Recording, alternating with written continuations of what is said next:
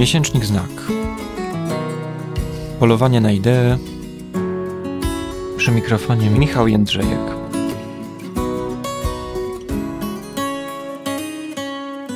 Zapraszamy do słuchania. Dzisiaj odcinek o Nikolasie Nassimie Talebie, ekonomiście, matematyku, giełdowym, traderze i filozofie. Autorze takich książek jak Czarny Łabędź, Antykruchość czy Na własne ryzyko, które stały się bestsellerami i których tytuły stały się też emblematami. E, zwłaszcza ten pierwszy, Czarny Łabędź, wyraża w pewnym stopniu ducha czasu. Trochę tak, jak było w latach 90. z końcem historii Francisa Fukuyamy, czy zderzeniem cywilizacji Samuela Huntingtona. Taleb to myśliciel zajmujący się ryzykiem, przypadkiem i rękową grą. Można powiedzieć, że to ktoś, kto chciałby starożytny sceptycyzm wprowadzić na współczesne Wall Street. Jego nazwisko jest odmieniane przez wszystkie przypadki wtedy, gdy pojawiają się niespodziewane zdarzenia. W języku Taleba są to właśnie tak zwane czarne łabędzie, czyli zdarzenia zaburzające istniejące prognozy, takie jak kryzys finansowy z 2008 roku, globalna pandemia COVID-19 czy atak Rosji na Ukrainę. Ostatnie lata to w końcu, jak się wydaje, czas przelotu nad światem kolejnych czarnych łabędzi. Najpierw kilka słów o biografii Taleba. Najczęściej podkreśla się, że jest to człowiek, który zyskał niezależność finansową na giełdzie w latach 90. i na początku lat 2000. Kierował wtedy różnymi funduszami inwestycyjnymi, gdzie próbował w praktyce wdrażać tę zasadę uwzględniania ryzyka wystąpienia czarnych łabędzi. A potem stał się autorem książek, doradcą i wykładowcą zajmującym się tematem ryzyka w zarządzaniu i teorią prawdopodobieństwa na różnych amerykańskich uczelniach, obecnie na Uniwersytecie Nowojorskim. Pomimo dużej popularności, udaje mu się też zachować sporo prywatności i pewną aurę tajemnicy wokół swojej biografii. Buduje wizerunek myśliciela spoza wszechobecnego szumu informacyjnego, choć jednocześnie jest niezwykle aktywny na Twitterze. Ma uzasadnioną opinię ekscentryka. Odpisuje ponoć jedynie na pięć maili dziennie. Podkreśla swoje przywiązanie do kultury śródziemnomorskiej. Urodził się w końcu w Libanie w 1960 roku, ale przyjmuje ono często raczej nietypowe formy. Taleb na przykład nie jada owoców, które nie mają odpowiednika dla swojej nazwy w języku greckim lub hebrajskim. Deklaruje, że jest poliglotą i potrafi czytać w dziesięciu językach. Na Twitterze dzieli się zaś uwagami na najróżniejsze tematy. Wypowiada się nawet na temat tego, jaka jest właściwa technika podnoszenia ciężarów. Jeden z dziennikarzy wspominał, że gdy szykował się na spotkanie z Talebem, spodziewał się po lekturze jego książek człowieka, który będzie bez końca wygłaszał kazania o tym, jak głupi są wszyscy inni i jak genialne są jego pomysły. Po czym dodał: Dokładnie tak było. Odkładając na bok ewidentny narcyzm autora, przyjrzyjmy się trzem wiodącym ideom jego książek. Po pierwsze, figurze czarnego łabędzia, po drugie, koncepcji antykruchości oraz po trzecie, wezwaniu do działania na własne ryzyko, czy też tłumacząc dosłownie angielskie skin in the game, ryzykowania własną skórą. Skąd wzięła się ta figura czarnego łabędzia? Juvenalis z Akwinu, rzymski poeta z II wieku naszej ery, twórca satyr, pisał o czarnym łabędziu jako stworzeniu niemożliwym do odnalezienia. Białe upierzenie tych ptaków było czymś oczywistym. Czarne łabędzie wydawały się więc przez wieki fantastycznymi stworzeniami, takimi jak na przykład jednorożce. Sytuacja zmieniła się dopiero w XVII wieku. W 1636 roku żeglarz Antoni Caen dostrzegł czarnego ptaka wielkości łabędzia na wyspie Bernier u wybrzeży Australii. Znacznie później nadano mu oficjalny status i nazwę. Czarnego łabędzia ochrzczono łacińską nazwą Anas atrata. Przykład czarnego łabędzia zrobił wielką karierę w filozofii. Pokazywał on bowiem bardzo wyraźnie problem z wnioskowaniem zwanym indukcją, w tym przypadku z wyciąganiem twierdzeń na temat wszystkich łabędzi na podstawie skończonej, choć olbrzymiej liczby obserwacji. Można podsumować ograniczenia wnioskowania indukcyjnego w ten sposób. Żadna liczba białych łabędzi nie pozwala wysnuć wniosku, że wszystkie łabędzie są białe, ale obserwacja jednego czarnego łabędzia wystarcza do odrzucenia tej konkluzji. Zatem jeden czarny łabędź wprowadza znaczącą zmianę w naszej wiedzy. Te metafory czarnego łabędzia Taleb używa do zaskakujących zdarzeń historycznych, niosących z sobą duże konsekwencje. Do zamachu na Franciszka Ferdynanda w 1914 roku, czyli początku I wojny światowej, do krachu na giełdzie nowojorskiej w 1929, ataku terrorystycznego na World Trade Center 11 września 2001 roku, czy powstania internetu w 2004 roku. Spełniają one trzy warunki. Po pierwsze, były nieoczekiwane, po drugie, miały znaczący wpływ na rzeczywistość społeczną bądź gospodarczą, a po trzecie, po ich wystąpieniu ludzkość starała się je dopasować do narracji, uczynić wytłumaczalnymi i przewidywalnymi.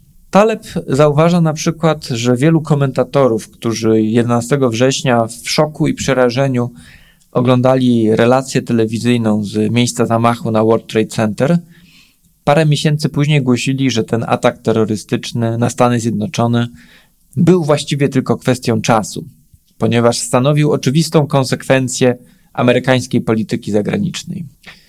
W potocznym myśleniu mamy taką skłonność do racjonalizacji zdarzeń i układania tego, co doświadczamy, w pewien logiczny ciąg. Literatura psychologiczna mówi tutaj o tak zwanym efekcie pewności, efekcie pewności wstecznej, gdy stwierdzamy po czasie, że wiedzieliśmy, że tak będzie. Chociaż to oczywiście nieprawda.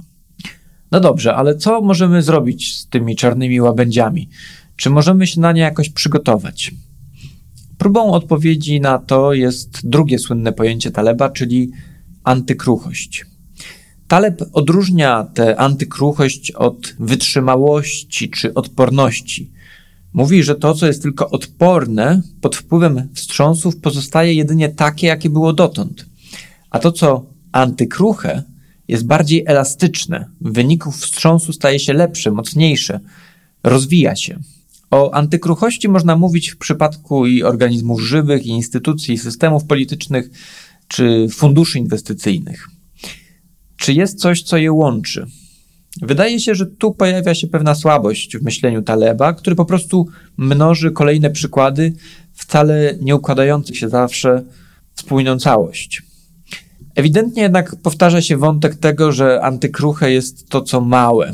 Tak więc rzemieślnik, który może łatwo dostosować się do zmiany potrzeb klientów, jest bardziej antykruchy niż wielka zbiurokratyzowana korporacja, gdzie zmiany zachodzą powoli. Państwo takie jak Szwajcaria, gdzie wiele decyzji podejmuje się na poziomie lokalnym, może sprawniej odpowiadać na problemy mieszkańców niż centralnie sterowana Rosja. Podobnie Taleb krytycznie ocenia fuzję wielkich firm. W Polsce możemy mieć na uwadze choćby przejęcie Lotosu przez Orlen. Dokumentuje więc trudności w zarządzaniu takimi kolosami, rosnący szum informacyjny czy napięcia między pracownikami dotąd różnych firm. Nawiasem, jak zauważa na przykład ekonomista Krzysztof Nędzyński, takie fuzje udają się mm, rzadko, ale są korzystne dla zarządów, które je inicjują.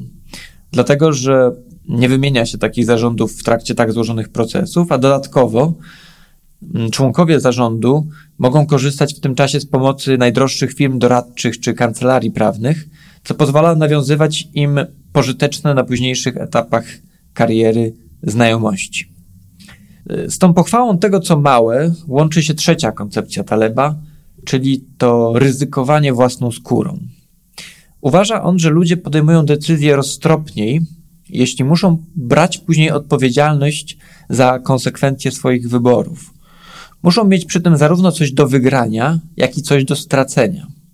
W kontekście amerykańskim i interwencji w Iraku, Taleb zauważał na przykład, że można by spodziewać się większej racjonalności parlamentu w decydowaniu o wykorzystywaniu sił zbrojnych do zaprowadzania demokracji w odległych krajach, jeśli także dzieci kongresmenów służyłyby w armii i mogły zginąć w walce.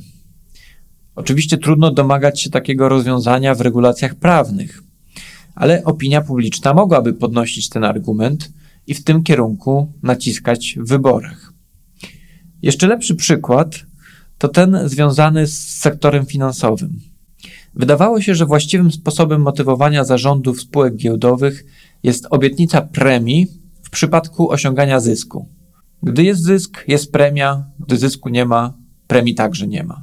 W trakcie kryzysu finansowego z 2008 roku, co powtarza się także w pewnym stopniu w obecnym kryzysie bankowym w 2023 roku, okazało się jednak, że jest to rozwiązanie obarczone fatalnymi konsekwencjami. Zarządy firm, walcząc o premię, decydowały się często na większe ryzyko niż nakazywała roztropność.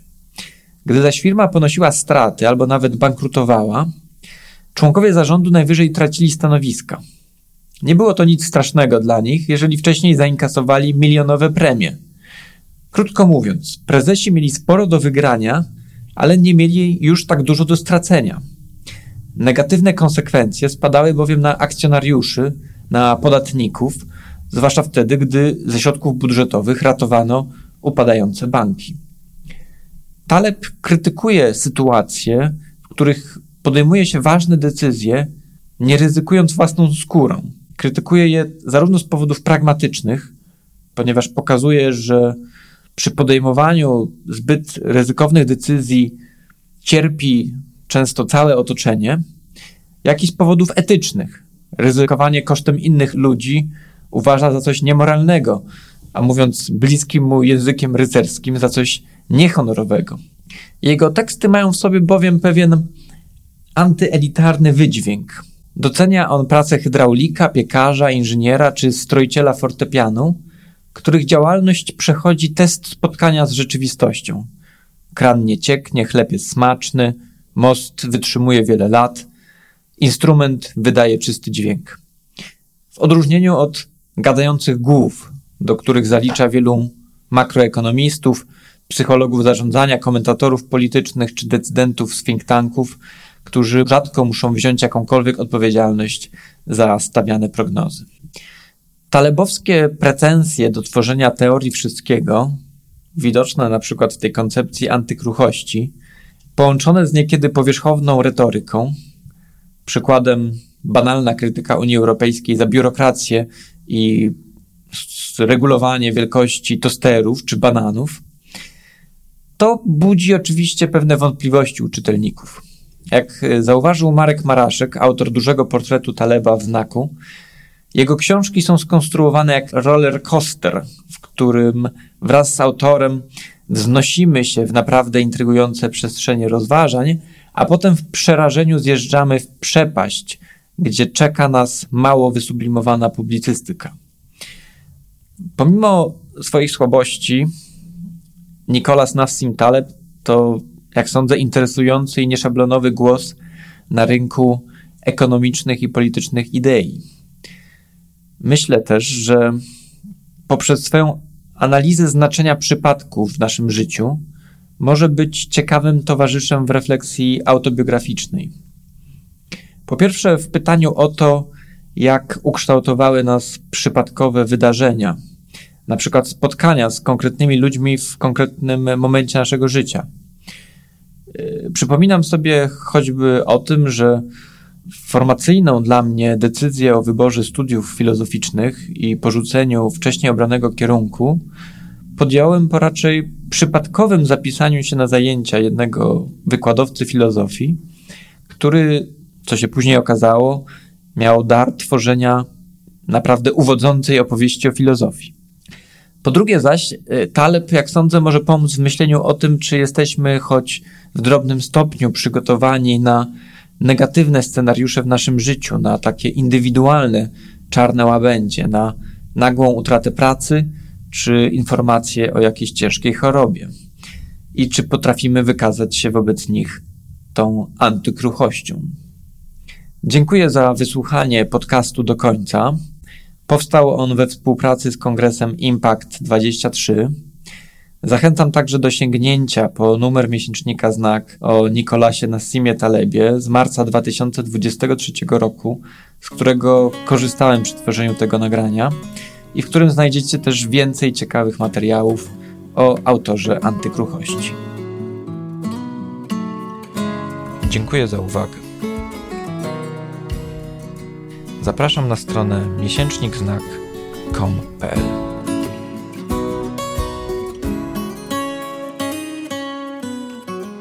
Do usłyszenia.